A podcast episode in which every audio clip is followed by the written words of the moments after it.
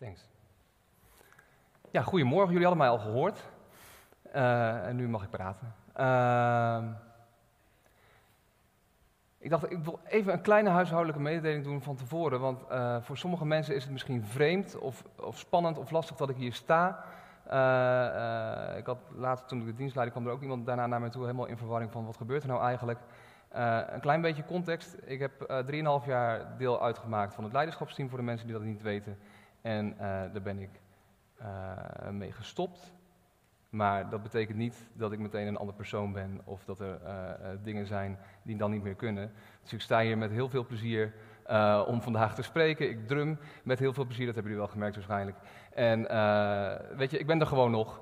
er is niks aan de hand, dus maak je geen zorgen. Voor de mensen die daar last van zouden hebben, bij deze.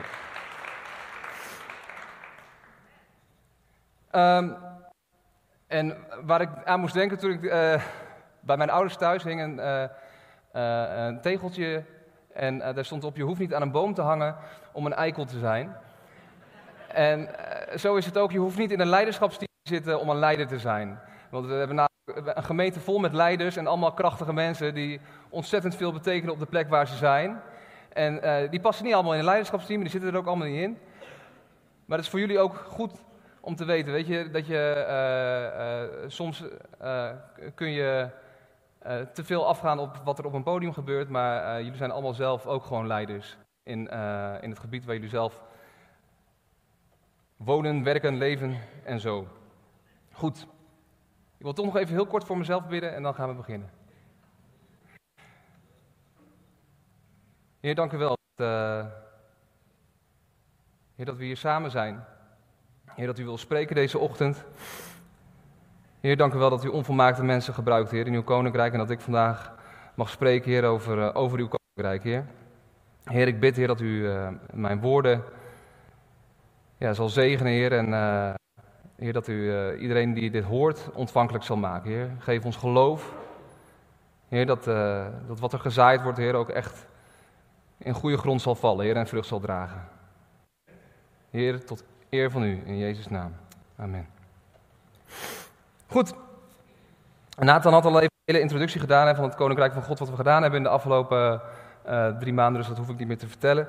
En uh, we zijn dus door Matthäus heen gegaan en we zijn nu bij het staartje van, Matthäus, van want uh, Jezus is opgestaan, dat weten we, daar hebben we vorige week over gehad. En nu gaan we in de laatste paar versen van Matthäus kijken, wat gebeurt er dan? En de evangelieën beschrijven het allemaal op hun eigen manier en iedereen heeft daar meer of minder uh, versen voor nodig. Weet je, uh, uh, Matthäus heeft er maar vijf nodig, maar Lucas heeft er wel veertig nodig. En Paulus vat het later samen met de brief aan de Korinthe, waar dat ik u heb doorgegeven, wordt ook weer ontvangen. Dat Christus voor onze zonde is gestorven, zoals in de schriften staat, dat hij is begraven, dat hij op de derde dag is opgewekt, zoals in de schriften staat. En mijn microfoon valt uit.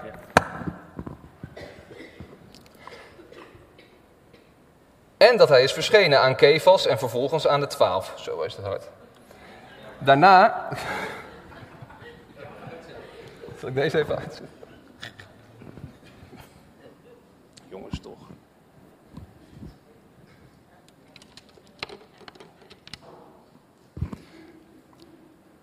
Goed, Jezus is dus verschenen aan Kefas en aan de twaalf. En daarna is hij verschenen aan meer dan 500 broeders en zusters tegelijk, van wie er enkele gestorven zijn, maar de meeste nu nog leven. Vervolgens is hij aan Jacobus verschenen en daarna aan alle apostelen. Dus er gebeurt een hele, hele, hele hoop in de tijd tussen dat Jezus is opgestaan en dat hij naar de hemel gaat. En dat staat niet exact in alle evangeliën, maar van Paulus weten we dat dat, wel gebeurd is. Maar goed, we hebben gelukkig het boek van Matthäus gepakt, dus ik heb maar vijf versen waar ik uh, wat mee moet vanochtend. Anders zouden we hier om drie uur nog zitten en jullie willen heel graag lunchen. Dus we gaan beginnen. In Matthäus 28, vers 16 staat... De elf leerlingen gingen naar Galilea, naar de berg die Jezus hun had genoemd. En toen ze hem zagen, wierpen ze zich in aanbidding voor hem neer. Al twijfelden sommigen. Jezus kwam dichterbij en zei tegen hen: Mij is alle macht gegeven in de hemel en op aarde. Ga dus op weg en maak alle volken tot mijn leerlingen door hen te dopen in de naam van de Vader en de Zoon en de Heilige Geest en hun te leren dat ze zich moeten houden aan alles wat ik jullie opgedragen heb. En hou dit voor ogen: ik ben met jullie alle dagen tot aan de voltooiing van deze wereld. Ik wil dus met jullie door deze tekst heen gaan en nadenken over wat betekent dat nou voor ons in deze tijd, dat dat toen gebeurde en de dingen die Jezus toen zei. En dan wil ik beginnen bij de eerste twee versen. En daar heb ik boven gezet gehoorzaamheid en twijfel. En we lezen daar, hè, de elf leerlingen gingen naar Galilea, naar de berg die Jezus hun had genoemd. En toen ze hem zagen, wierpen ze zich in aanbidding voor hem neer, al twijfelden sommigen. We lezen dus allereerst dat de twaalf apostelen, of de, de elf overgebleven leerlingen, sorry, naar de, eh, Jezus gehoorzaam waren en naar de plek gingen die hij gezegd had dat ze moesten gaan. Ze luisteren dus naar wat hij zegt, zonder dat ze precies te weten uh, zijn gekomen wat hen precies te wachten staat. En ik denk niet dat Jezus dat van tevoren met ze had afgestemd. Ik denk niet dat Jezus van tevoren had gezegd: Je gaat naar die berg, dan kom ik en dan zeg ik wat en dan ga ik naar de hemel. Ik denk dat Jezus had gezegd: Ik verwacht jullie dan en dan, daar en daar. En ze waren gegaan. Hoe zit het met jou, hè? wanneer Jezus jou oproept in de Bijbel? Hè? Als je leest van heb je vijanden lief of geef vrijmoedig aan de armen. Of uh, vergeef wie je kwaad heeft gedaan. Weet je, hoe, hoe antwoord je dan? Zeg je dan meteen ja heer of zeg je dan ja maar? Dat is een leuke eerste vraag om uh, op te kouwen. Als de leerlingen vervolgens oog in oog komen te staan, lezen we, werpen ze zich in aanbidding voor hem neer. Maar blijkbaar liggen er dus een paar op hun knieën en die denken, ja wat doe ik hier eigenlijk? Want die twijfelen, dat staat er. Sommigen twijfelden. En zoals jullie weten leeft het volk van Israël in die tijd met een groot verlangen naar de komst van de Messias. Degene die hen zou bevrijden van de onderdrukking. Die het koninkrijk van God zou vestigen op aarde en voor eeuwig zou regeren. En er waren tot die tijd al meerdere krachtige leiders in Israël opgestaan. Waarvan men gedacht had, misschien is dat de Messias wel. Misschien is hij wel de ware Messias. En toen kwam Jezus. En de leerlingen hadden drie jaar lang intensief met hem opgetrokken. En hem telkens weer horen spreken over het koninkrijk van God en het feit dat hij de zoon van God was.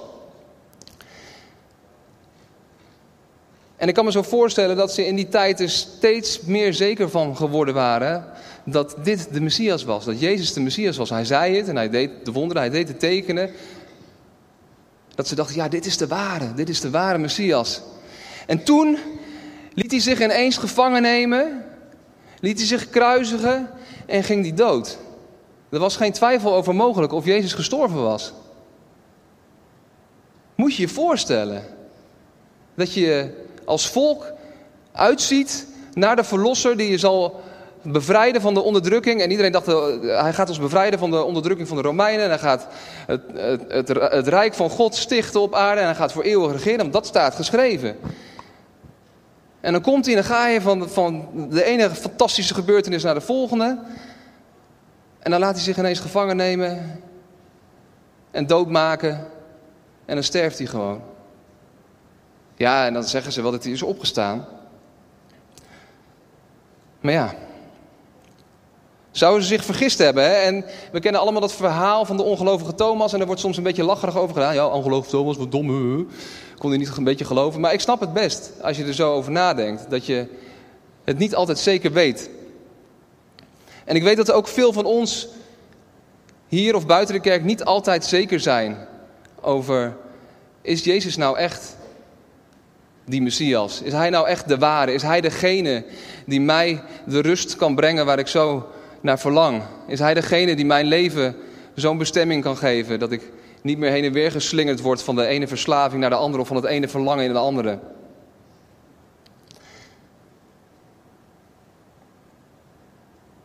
En toen ik hierover nadacht, ontdekte ik dat ik eigenlijk best veel oordeel heb gehad altijd over mensen die twijfelen.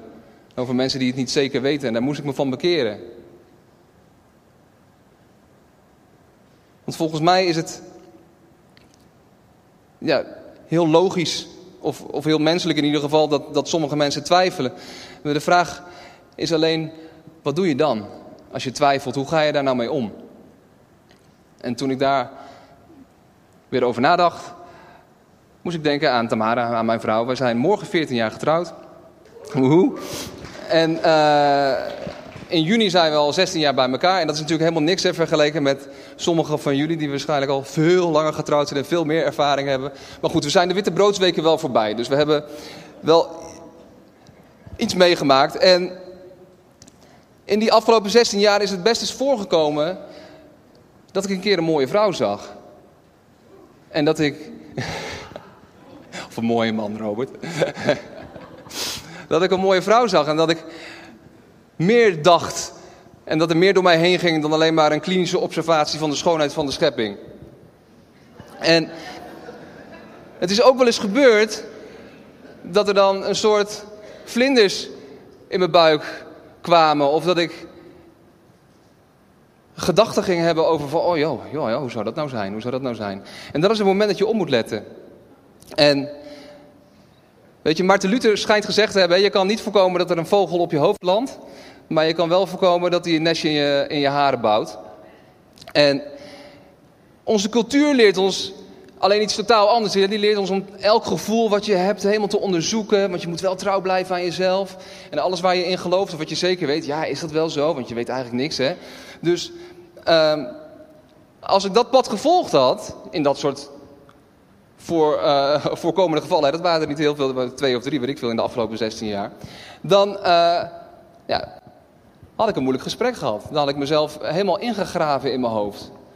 Maar Tamara en ik hebben ervoor gekozen om trouw te zijn. En om alles wat in ons uh, naar binnen komt, van dat soort gedachten of gevoelens, dat we dat gewoon tegen elkaar vertellen.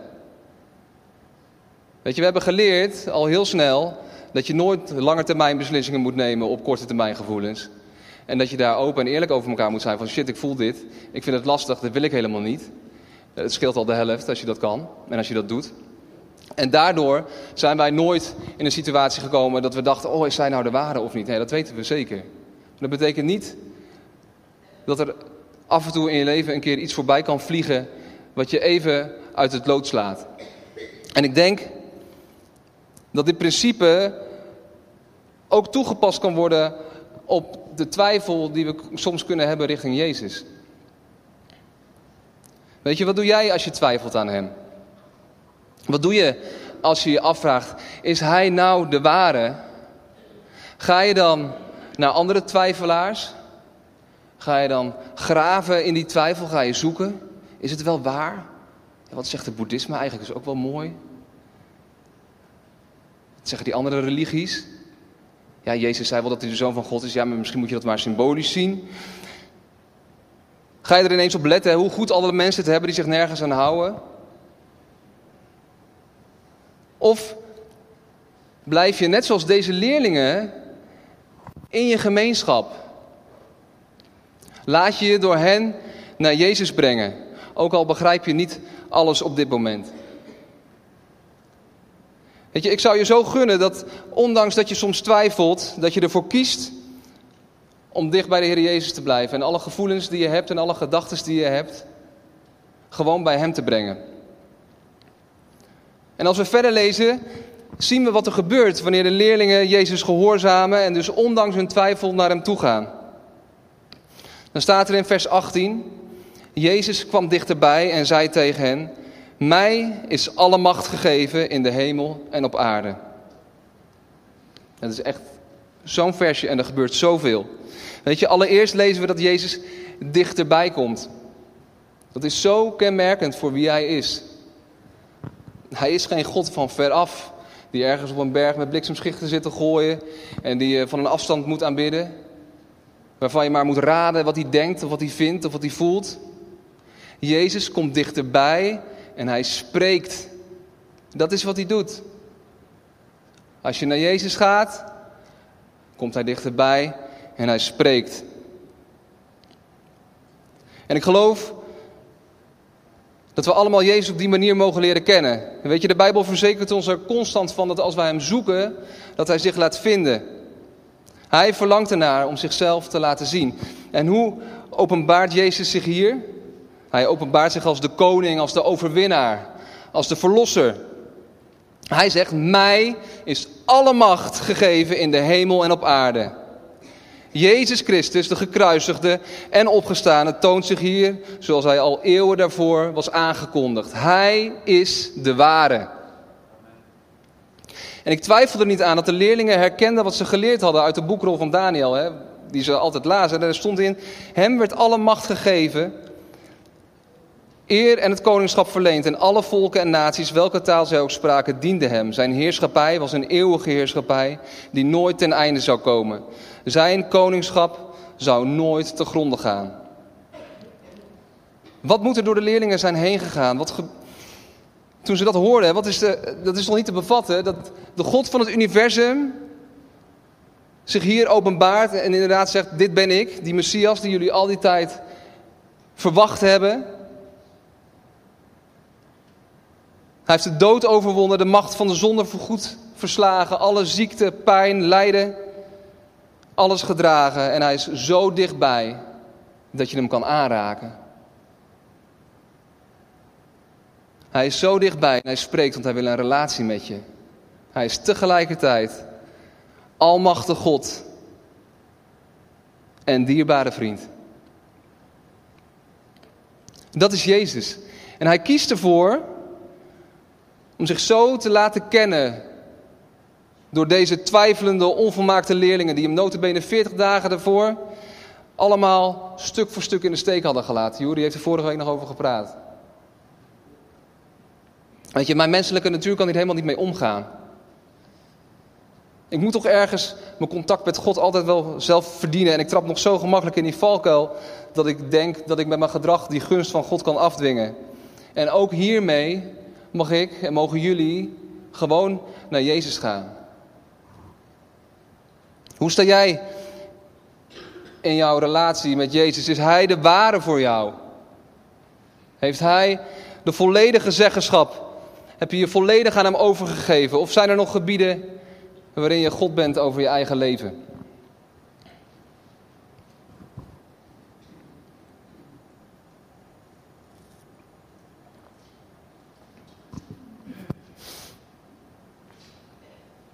De uh, de preek die ik mocht houden vandaag had als titel De Koninklijke Opdracht. En daar komen we nu bij. En dat is een vers wat ik het meest gehoord heb van die, van die vijf versen uh, in de afgelopen 36 jaar dat ik in de kerk kom. En we kennen het wel als de grote opdracht en ook als het zendingsbevel. En vandaag hebben we het dus over de koninklijke opdracht. En ik moet eerlijk toegeven dat ik best wat weerstand heb tegen dat vers. Dit is niet omdat het in de Bijbel gezet is, maar het is meer om hoe ermee omgegaan wordt of hoe het is uitgelegd altijd aan mij. Weet je, mijn eerste. Uh, dat zal ik zo vertellen. Uh, dus mocht je wat weerstand horen, dan bij deze uh, vergeef mij. want ik wil er graag, graag met jullie over nadenken. We gaan het eerst lezen. In vers 19 staat: Ga dus op weg en maak alle volken tot mijn leerlingen door hen te dopen in de naam van de Vader en de Zoon en de Heilige Geest. En hun te leren dat ze zich moeten houden aan alles wat ik jullie heb opgedragen. Goed, die leerlingen hebben dus ondanks hun twijfel, zijn ze gehoorzaam geweest. En hebben ze Jezus gevolgd naar de plek die hij genoemd had, zodat hij zich kon laten zien voor wie hij is. En dan geeft hij hun een opdracht. En dat is een duidelijke opdracht. Het is gebiedende wijs. Hij zegt niet, als je zin hebt, ga dan. Of als je al je eigen ambities hebt vervuld, kun je een keer. Of als je de gave van evangelisatie hebt, dan mag je. Nee, hij geeft alle leerlingen de opdracht om op weg te gaan en de hele wereld tot zijn volgelingen te maken. Te dopen en te onderwijzen. En we lezen in de handelingen en in de andere boeken van het Nieuwe Testament dat de leerlingen dat heel goed begrepen hebben. Maar ik heb dus zelf flink moeten worstelen met wat dat voor mij betekent. Want de eerste keer dat ik dit vers hoorde, of dat ik me dat goed kan herinneren, is ongeveer 25 jaar geleden. Toen was ik zo'n klein jongetje en toen zat ik eh, bij mij thuis uh, in de kerk. En, en, toen stond er een zendeling op, op het podium. En die, die kwam uit Albanië of zo. En die was aan het huilen. En ze vertelde: Het is allemaal zo zwaar. En we hebben het zo heftig. En het is niet te doen. Maar we zijn gehoorzaam aan het zendingsbevel. En toen dacht ik, ja, Heer Jezus, is dat de manier? Is dat wat u van ons vraagt? En dan ging ik als tiener naar van die conferenties met van die evangelisten die hun alleen maar vertelden, ja, dit is de grote opdracht, dit is wat Jezus van je vraagt. En als je dat niet doet, dan schaam je je voor wie Jezus voor jou is. Dan schaam je je voor het evangelie en dan kan Jezus je niet in de ogen kijken. Nou, dat is hoe het altijd aan mij is uitgelegd.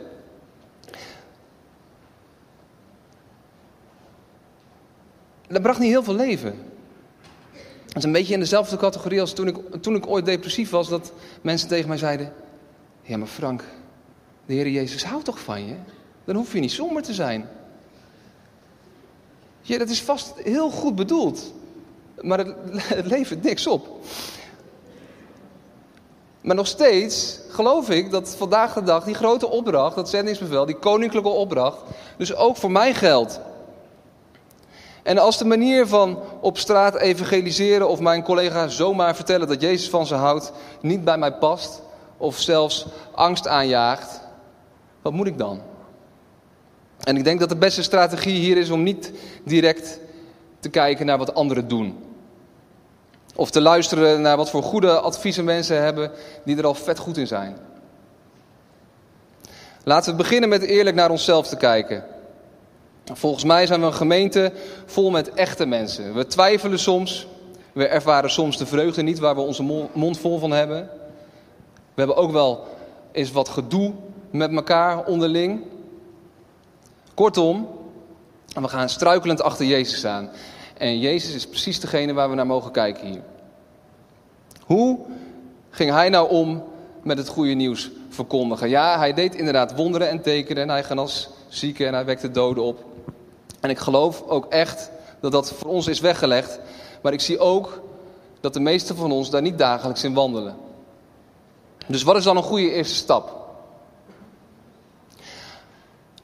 Als ik naar Jezus kijk, wie hij was in de evangelie en lees hoe hij in contact was met anderen, dan was hij vooral altijd afgestemd. Hij is nooit one size fits all. Hij is altijd gericht op die ander.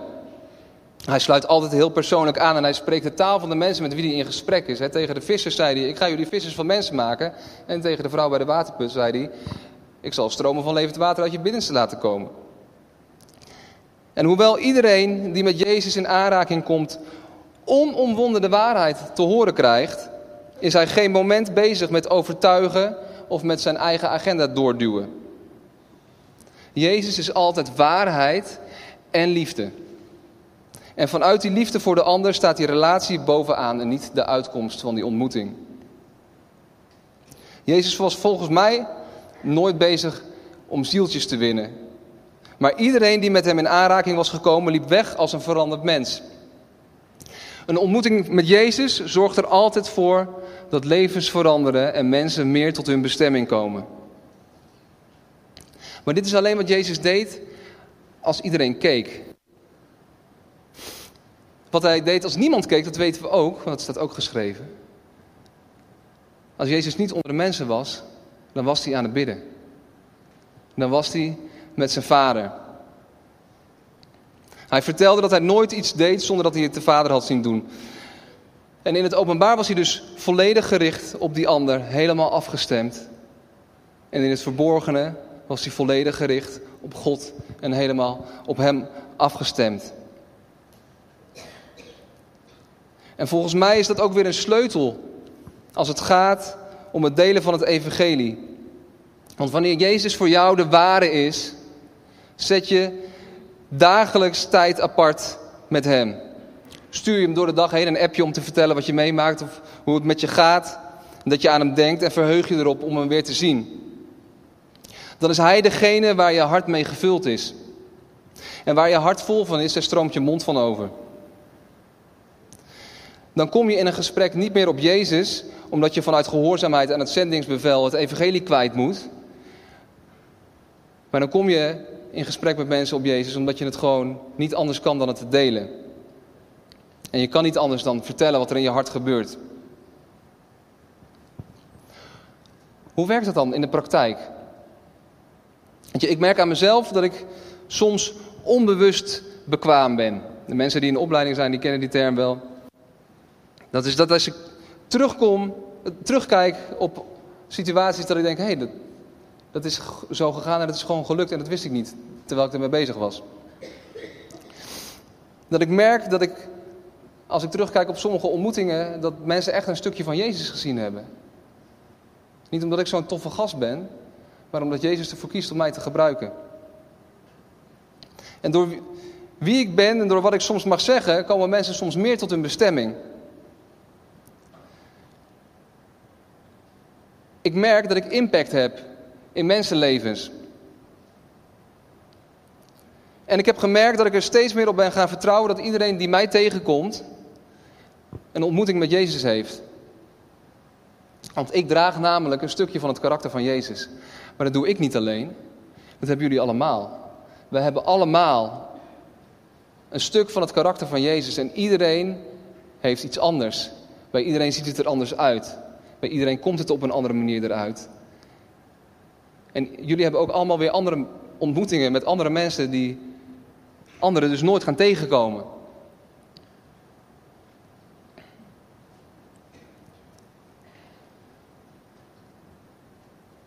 De Heer Jezus wordt zichtbaar door ons allemaal. Als wij ervoor kiezen dat Hij de ware verlosser is van ons leven en er dagelijks voor kiezen om Hem te volgen.